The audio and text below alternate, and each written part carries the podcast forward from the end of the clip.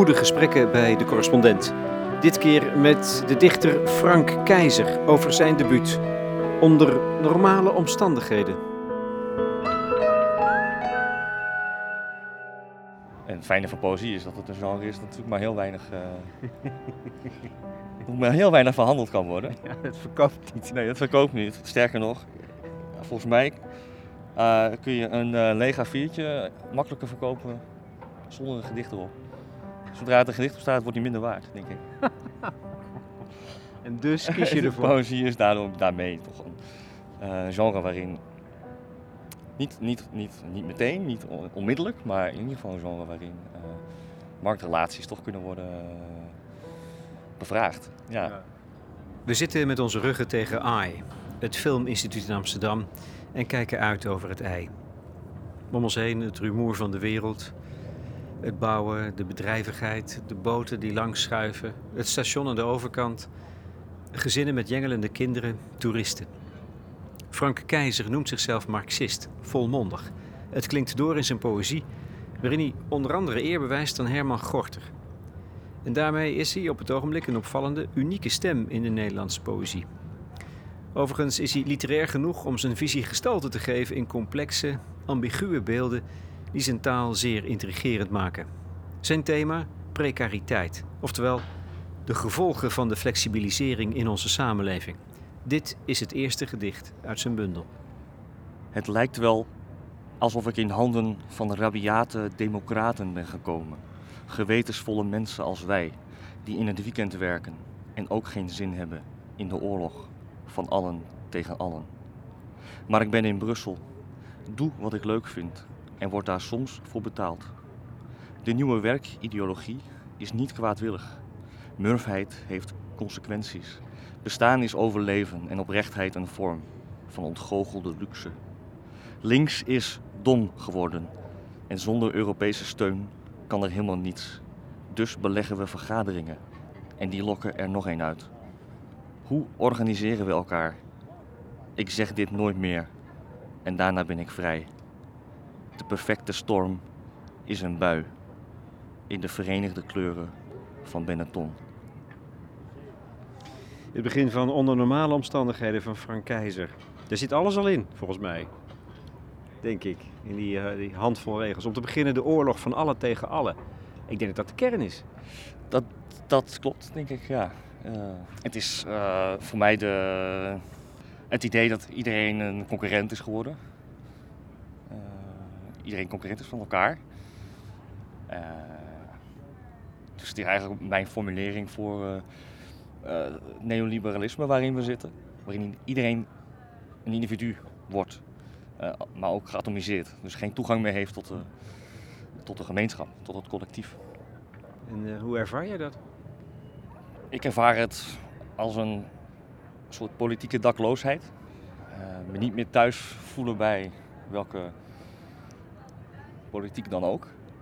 Onzekerheid op allerlei andere terreinen van het leven, woningmarkt. En ook de emotionele implicaties daarvan. Dus het gevoel van uitputting en atomisering, die het gevolg zijn van dat uh, economische systeem.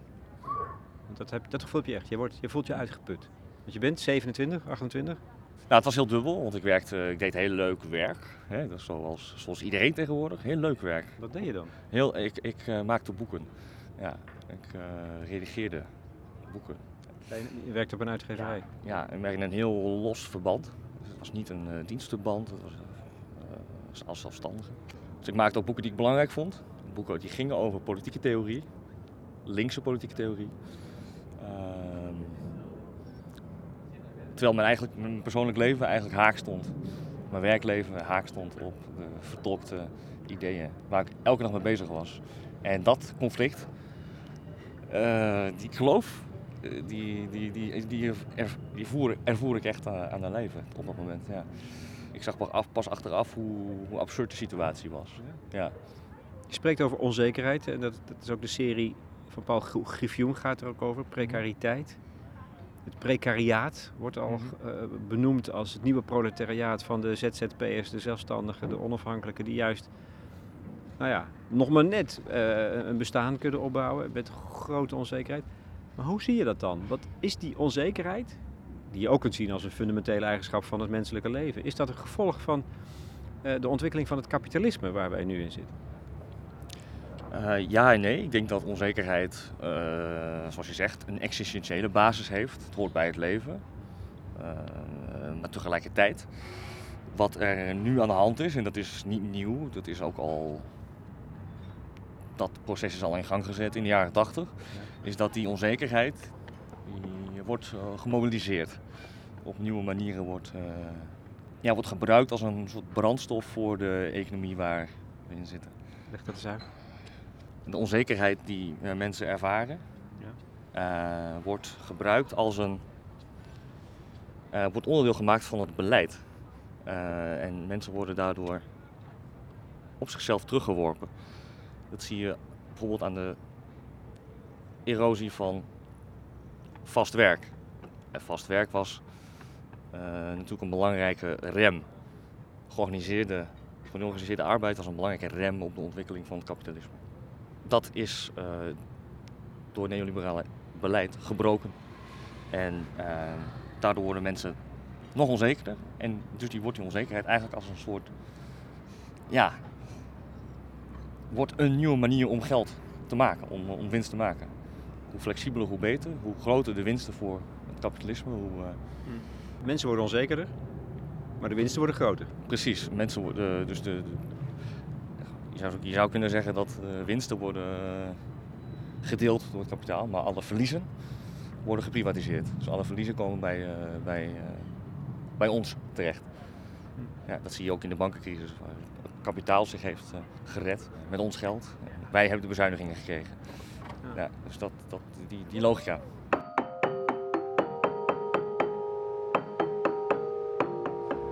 Wie was ik voor mijn herontwikkeling toen ik op een dag die niet de dag van de arbeid was, op het verkeerde platform van trein wisselde. Om mij heen lagen atmosferische parkeerterreinen, eenzame stukken steen, broos en wijds.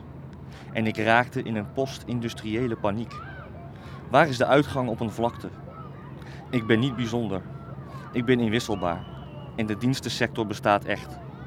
Niet veel later word ik de andere pool van de vervreemding en de verdamping die onstoffelijke stoffen ontketent, verborgen kosten, verhandelt met landen die we kapot maken met onze creativiteit. Nu mag ik mezelf plunderen, mezelf suffeesten, want het leven is een contradictie die voluit moet worden geleefd. En je bent dood voor je antagonisten die leven in instituties diep in je. Ruïnes, ja.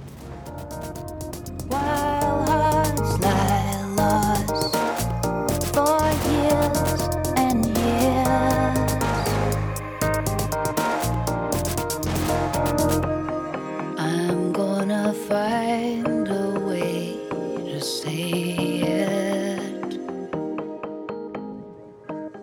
idee was vroeger een klassieke marxistisch idee dat je vervreemd bent van arbeid. Tegenwoordig wordt, uh, wordt arbeid juist uh, wordt, uh, wordt subjectief gemaakt. Dus je, je, wordt verleid om je werk leuk te vinden. En om het onderdeel te maken van wie je bent. En daardoor neemt ook uitbuiting eigenlijk veel uh, uh, grotere vormen aan. Omdat je niet meer alleen op het werk wordt uitgebuit in de fabriek. Maar uitbuiting zich ook in jezelf gaat zitten. En je eigenlijk altijd werkt. Ja, precies. Omdat, leven, omdat dat, dat scheiding tussen leven en werk, nu, nu de fabriek gesloten is, nou niet alle fabrieken natuurlijk, belangrijke kanttekening. Dat niet al het, dat zit er ook in, dat niet, al het, niet alle fysieke arbeid is verdwenen. Maar wel uitbesteed aan andere landen, derde wereldlanden. En, uh, Daar heb je een soort klassieke vervreemding, zou ja, is, ja, wij hebben er met een moderne vervreemding te maken. Dat, die, dat die, die, die, die fabriek neem je mee naar huis. Precies. Je institutie gaat in je zitten. Ja. ja. Ook al is het de ruïne. Dat weten allemaal. Dat, dat arbeid niet... Uh, ja, dat, dat dat, dat, een, dat dat een afstand is tussen wie je bent en wat je, wat je maakt, natuurlijk. Ja. Maar om dat weer toe te eigenen, dat is ook een belangrijke opdracht, denk ik. Van verzet, want daar gaat het natuurlijk over. Als je dit zo ziet, glashelder in de ogen kijkt en met haarscherpe beelden schrijf je erover. Zwart is het ook, het is inktzwart soms. Dat schreeuwt om verzet, vormen van verzet. Ja. Zie, zie jij nog mogelijkheden van verzet? Of, of zie jij ons, het woord apathie valt volgens Ja. mij ergens, zie jij in, om, om ons heen ja, steeds wijder verbreid wordende apathische Mhm. levenshouding? Met, nou ja, oogkleppen op dan maar. Ja. Ik weet niet of ik nog zo geloof in de, in het, in de logica van het verzet. Nee. nee. Alsof er een vijand is die we kunnen bestrijden. Een lokaliseerbare vijand. Die is er niet meer. Die we kunnen zien en aanwijzen. Nee, maar dat hebben ze slim gedaan. En dat is het probleem, dat, dat die niet meer is. En, en, Natuurlijk zijn die, die zijn er toch nog wel? maar ja, maar, maar als, als we zelf zo onderdeel zijn geworden van het probleem, Ja. hoe kun je dan nog eh, Ja. het verzet eh, vormgeven? Ja. Maar ben, je- ben je wanhopig? Ik ben niet wanhopig. Ik probeer. eh, ik, ik kan me erg vinden in een positie die eh, Amerikaanse denker Lauren Berland heeft beschreven als eh, cruel optimism. En daarmee, daarmee doelt ze op een het, verlangen naar een object. dat object kan het politieke zijn. Een verlangen dat tegelijkertijd, waarin een soort double bind zit. Dus je verlangt naar iets waarvan je weet dat de vervulling je eigenlijk niet zal helpen. En die hele, die wreed, dat wrede verlangen naar iets wat, wat je eigenlijk alleen maar meer uitput, bijvoorbeeld het politiek. Je weet dat het politiek eh, een problematisch verlangen is. Want je, het, het zal nooit precies goed komen. Dus er zit altijd een soort van. En toch blijf je het doen. Dat zit ook heel erg in activisme, denk ik. Activisme, activisten zijn, denk ik, bij uitstek mensen die een wreed, eh, tegelijkertijd een optimistisch en een pessimistisch verlangen hebben. Maar dat is het laatste wat je kunt doen. Op dit moment eh, is dat. Daar ben ik uitgekomen voorlopig, ja. ja. En ook daar probeer ik nu in mijn nieuwe werk weer, eh, weer doorheen te schrijven. Wat voor werk heb je? Ik werk aan, aan een serie teksten over. eh, waarin ik eh, eigenlijk gesprekken die ik heb gevoerd met mensen collageer tot. Een van zijn nieuwe teksten is nu te lezen in de tuin van gastcorrespondent Roel kunnen Het past in die serie over bestaansonzekerheid. Oftewel, het fenomeen dat het neoliberalisme een nieuwe klasse lijkt voor te brengen: het precariaat. Zelf heeft Frank Keizer nooit gekraakt, maar hij schurkte wel aan tegen de kraakbeweging. Zijn tekst gaat wellicht vooral over de teloorgang van die kraakbeweging, sinds het verbod van een paar jaar geleden gecriminaliseerd en geprivatiseerd. Zo schrijft hij: Ze waren hun ontheemding kwijt. En ineens stroomt de wereld die je gewend bent niet meer, maar raakt ze gestremd. En ben je het subject van een activisme dat niet meer werkt. Waren ze realisten geworden, cartoonfiguren, verscheurd door de contradicties van het kapitalisme, maar die intussen gewoon doorleefden, gedoemd de geschiedenis te herhalen? Einde citaat. Wat is dan toch voor hemzelf het aantrekkelijke van het kraken?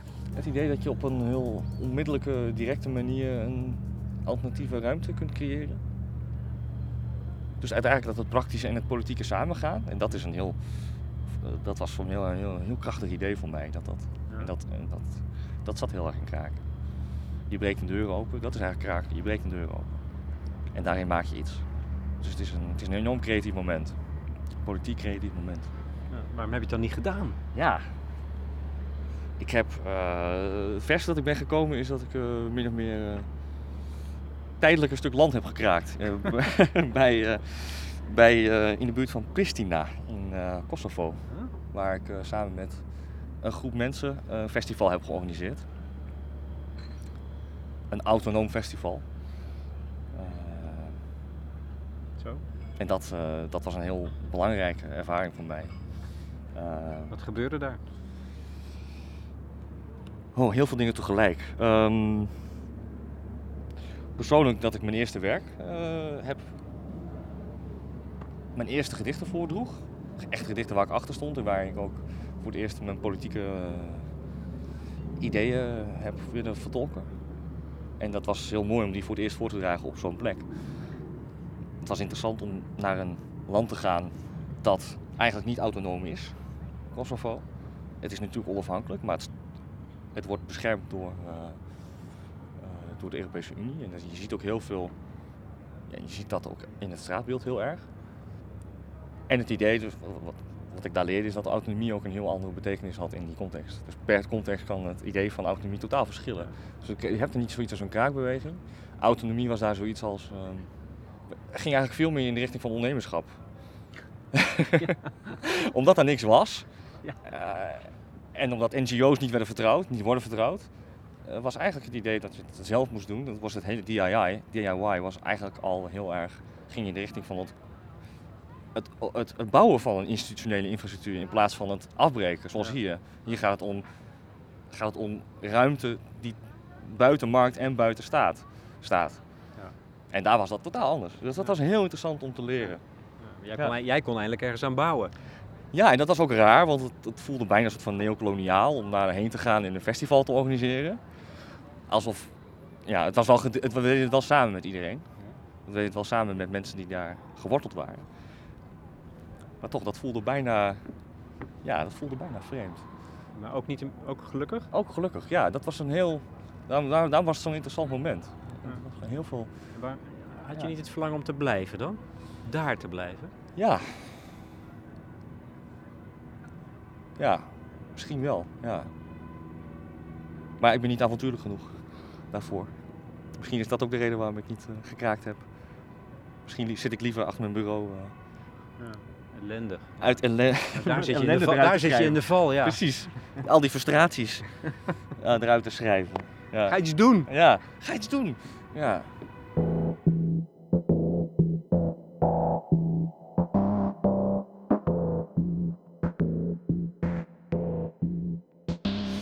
Want onder normale omstandigheden ben ik opgegroeid.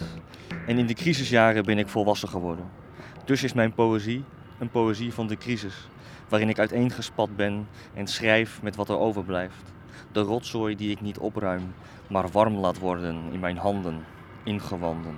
En het netwerk dat oververhit raakt en de weinig fijnzinnige realiteit toont van iemand die 27 is in 2015 en aan de beschrijving van zijn realiteit niet toekomt. Want onder normale omstandigheden had ik mijn identiteit overbodig verklaard, wat me eenzaam en arrogant maakte. Identiteit vond ik bij anderen die zichzelf waren. Zelf was ik als ongemarkeerde vrij. Ik bezat de ware vrijheid en verzilverde haar. Toch ging ik op zoek naar mijn eigen verneuktheid, want van binnen was ik leeg. Politiek dichter werd ik op podia en in tijdschriften en academicus op de universiteit. Zij creëerde mij en vulde mij in, want ik was invulbaar. Nu ontmantel ik mijzelf en verlaat ik de jaren negentig. Ik verlies de symbolische functie, de antisymboliek van de symbolische moord en de illusoire vrijheid. Als een rommelige hoop particuliere eigenschappen ben ik losgeweekt uit de reeks en de greep van het bestuur. Opgetild uit de schoot van Wim Kok breek ik mijzelf af tot het lichtste ding, het zachtste ding. Ik ben kapot en zing. De jaren negentig was het nog goed, hè? Toen geloofden we er nog in. Ja, toen ja. jij een kind was. Ja, ja dat is. eh, Ja, dat, dat, dat kun je bijna nostalgisch lezen, maar het is ook een.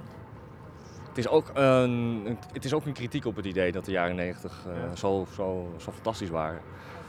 Toen is er ook heel veel in gang gezet waar we nu de zure vruchten van plukken. Dus, dus, dat is, dus dat wordt ook met een soort van smerende ironie bijna gezegd, zou ik zeggen. Ja, Ja. snap ik. Ja. Ja. Die schoot van Wim Kok. ja. Ehm, Ja. Maar je was wel gelukkig nog. De zorgeloosheid van de beroemde zorgeloosheid van de jaren 90. Ja, maar dan, daarom, daarom is het toch ook een hard gelach. Ja. Weet je, als, je, als je zo groot wordt. Ja. En dan eh, wordt opeens Pim Fortuyn doodgeschoten.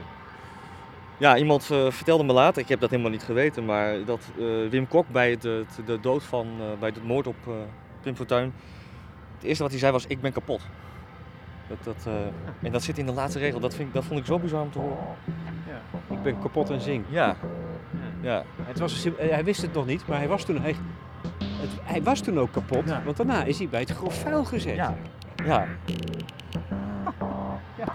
Dat is ongelooflijk. Als uh, commissaris. En, ja, ja. ja. Come and shine your light upon me, honeybee.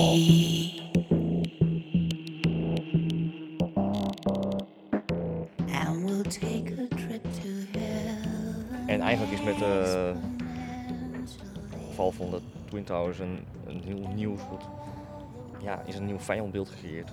Wat eigenlijk de aandacht heeft afgeleid van een daadwerkelijke strijd. Het is interessant volgens mij. Want jij praat over een ontwikkeling waar iedereen aan raakt. De andere grote gebeurtenis is die van het naar buiten komen van vreemdelingenhaat en, Ja. virulent racisme. Ja. Zijn die twee dingen aan elkaar gekoppeld? Ik denk dat eh, een grote misvatting is dat eh, Pim Fortuyn iets heeft aan, iets heeft vertolkt wat, eh, wat leefde. Ik denk, dat, eh, ik denk dat het eerder andersom is. Eh, veel haat wordt gecreëerd, haat wordt gevoed. Het is toch, kijk, jouw vraag is hoe organiseren wij ons? Nee, hoe organiseren wij elkaar? Ja. In deze tijd waarin wij allemaal als atoompjes uit elkaar Ja. zijn gevallen. En wat zie je dan? Dat mensen elkaar massaal vinden in haat Ja. en woede. Maar dat is ook een vorm van organisatie. Klopt. Ja, dat is een, dat is een heel trieste, dat is een heel trieste waarheid over, de, over de, het succes van rechts de afgelopen 15 jaar. Die hebben wel iets weten te mobiliseren wat, wat links niet heeft kunnen, kunnen doen. Die heeft die, die haat niet in de richting van iets anders kunnen mobiliseren. Nou ja, ik denk vaak, we leven in, dat, in dat, de hoogtijdagen van het leeuwenliberalisme. Ehm, wat is dat? Dat is consumeren. Dat is het enige waar het over gaat. En ik heb vaak het idee dat die andere kant, zingeving, zinvolle dingen, gemeenschap, dat, dat, dat we daar toch niet buiten kunnen. En dat haatgevoelens, woede, als het ware voorzien ook in die behoefte. Dat zou kunnen, maar ik denk dat, de, dat dat uiteindelijk niet de basis is voor een gemeenschap. Haat, dat kan niet. Ja, dan organiseer je elkaar tegen iemand anders. Dat is, een, dat is waar het nu op lijkt. Dat is wat het nu is. Dat, eh, dat, is. dat lijkt mij niet de manier. Nee. Ik ben niet iemand die, die graag eh, ziet dat het erger wordt. Nee, dat hoor ik ook wel eens mensen zeggen. Ik wil graag dat het erger wordt, want dan zal er eindelijk iets gebeuren. Zodra het erger wordt, zijn de vluchtelingen de eerste die daar gaan. En dat is echt, een, dat is echt iets wat eh, op geen enkele manier eh, goed is. Dus zo, ja, het moet erger worden, want dan breekt de revolutie uit. Dat, dat zal alleen maar leiden tot, eh, tot, de, tot, ja, tot, het, tot de dood van de zwakste, uiteindelijk.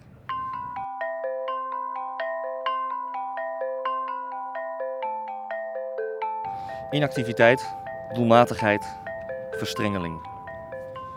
Vandaag is de status quo een bed van bijna 2 bij 2, dat in een kamer staat van 4 bij 4, waarin gewerkt wordt aan de voortzetting van de status quo, die in het bed ligt, dat mij begrenst, en waarin ik één ben geworden met inactiviteit en doelmatigheid, met de gebrokenheid van tijd, die is ingeklapt en op mij is gevallen toen ik in bed lag en bleef liggen. Want ik ben de status quo van mijn lichaam en de stasis van het neoliberalisme en het cultureel activisme van de ingebedde kunst. Ik lig in bed met het vastgoed en de integratie, met de productiviteit en de migrant. Iedereen ligt in bed en alles en iedereen wordt ingebed. Het liberalisme en de sociaaldemocratie. Ramzi Nasser en Kirill Medvedev, de mensen van nu. Het totaal is onzichtbaar, maar maakt wel geluid. Waar ben ik? Ik lig in bed en verlang naar de ander die niet naast mij ligt. Naast mij ligt de status quo en zijn inactiviteit en doelmatigheid verstrengeld geraakt. Dit is het bed van de wereld, waarin ik schreeuw om deelname en transformatie. Maar deelname en transformatie liggen in bed, versteend in verstrengeling. Want we kunnen niet allemaal doodgaan in bed. En iedereen verlangt ernaar te worden bevrijd. Wel of geen vrijblijvende seks vandaag tegen de accumulatie van kapitaal. Wel of geen vrijblijvende seks tegen inactiviteit en doelmatigheid, verstrengeling. Misschien is vrijblijvende seks wel onmogelijk op dit moment en moet er worden gekozen voor een resolute gemeenschap. Moeten we elkaar infecteren met een liefdesvirus, de grote infectie. Elkaar bezitten in alle lichaamsopeningen, zoals Jeroen en Marieke, en bezeten worden. Waardevolle relaties aangaan in het Nederland van Rutte.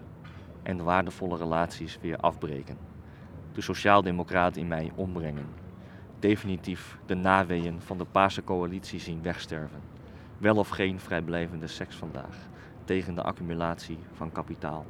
Wel of niet in bed blijven liggen vandaag. In bed blijven liggen vandaag.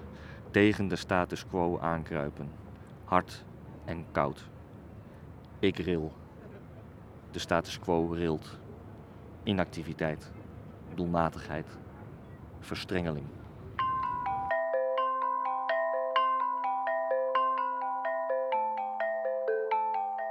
Wat is nou de rol van seks in politiek handelen? Wat is de rol van seks in politiek handelen? Ja. Ja, Is dat een verzet, ook een daad van verzet? daar speelt het natuurlijk mee. Het idee dat vrijblijvende seks op een of andere manier tegen een, tegen een accumulatie eh, Van kapitaal zou kunnen werken. Wat een heel absurd idee is, maar ook denk ik eh, daadwerkelijk wordt zo heeft gefunctioneerd. Eh, ja. De vrije liefde natuurlijk. eh, Ja, in de jaren 60. In de jaren 60 was wel echt een. eh, Ja, blauwe power. ja, en dat is inmiddels wordt dat heel erg eh baninerend eh, behandeld. Als iets wat eh, toch vooral. eh, En jij denkt het is nog wel een aantrekkelijk alternatief. Nou, nou ja, de vrije liefde, nee. Ik weet, ik weet het niet. Dat, ik, ik weet het niet. Ik heb, ik heb me dit op een dag eh, daadwerkelijk afgevraagd. En Ja, dat ook afgevraagd, maar is het, niet, is het niet andersom? Moeten we niet juist in een tijd waarin iedereen flexibel is, juist vaste Ja, ja. verbanden aangaan? Nieuwe vaste verbanden. Niet het huwelijk of zo, maar, maar gewoon nieuwe, nieuwe manieren van samenleven. Ja. Dus daar gaat dit natuurlijk over. Ja, ook over, ja. En, en ondertussen werp je ook de, de suggestie op dat er ook de kunst embedded is. Dus ook onderdeel van dat systeem Ja. waarbij we allemaal als atomen uit elkaar zijn Ja. gevallen.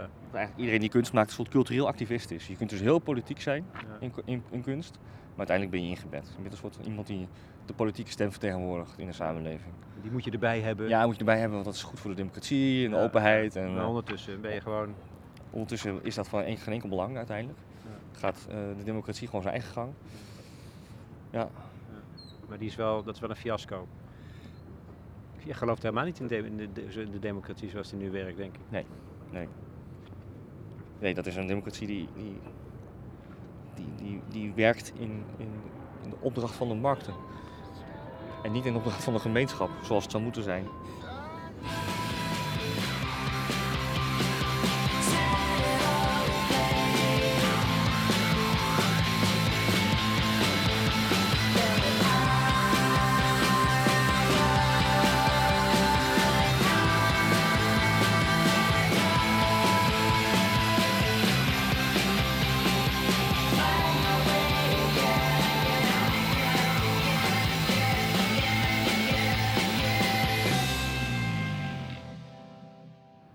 IJskoude nacht in Kosovo, waar het allemaal begon. Mijn permanente revolutie. Beweging die in het gedicht bevroor en beeld werd. Daarna beeld van een beeld. Een dialectiek van de koude grond. Dialectiek dus van Nederland. Ik koelde mijn theoretische woede. Maar nu ben ik koud geworden en moet ik mezelf warm zien te houden. Met drank en lichamelijkheid, mislukking en de theorie van die mislukking. Misschien wil je gewoon alle drie nog even, alle, alle, het hele slot doen. Alles is nu wazig als negatie en alles wordt geldig als positiviteit. De saaiheid van Amsterdam Noord alleen doorbroken door een jong gezin. Het jonge gezin is eindig, maar de figuur van het jonge gezin blijft. Niet de eeuwige velden van strijd, maar een kleine tuin met omvergewaaide planten die vroeger van Chris Keulemans waren. In de tuin gaan zitten, op een bankje dat van de staat is. Ondergaande zon, ondergaande politiek. En in dat blauwe licht is Amsterdam Noord nog steeds een rommel. Langzaam het gedicht zien veranderen in een kleine nachtpolitiek. Die kan worden geneuried tot ik in slaap val. Wakker worden en weten dat er geen politiek meer is, alleen nog profetie. Niet meer gebonden aan de taal en niet meer gebonden aan het land. Wel heel helder zien, zonder tong. Heilige nacht. En ik kan het niet meer over materialisme hebben met Gorter en zijn minaressen die geen interesse in mij hebben.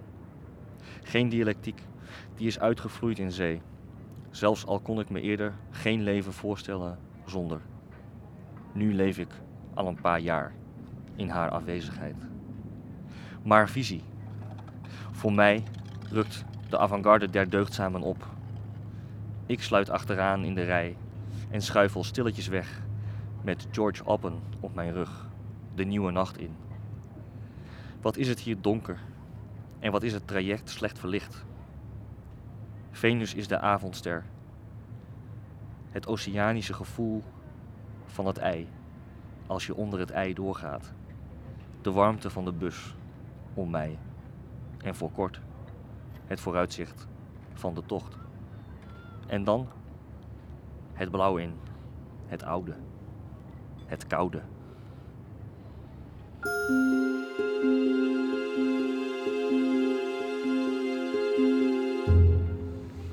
Het slot van Onder normale omstandigheden van Frank Keizer.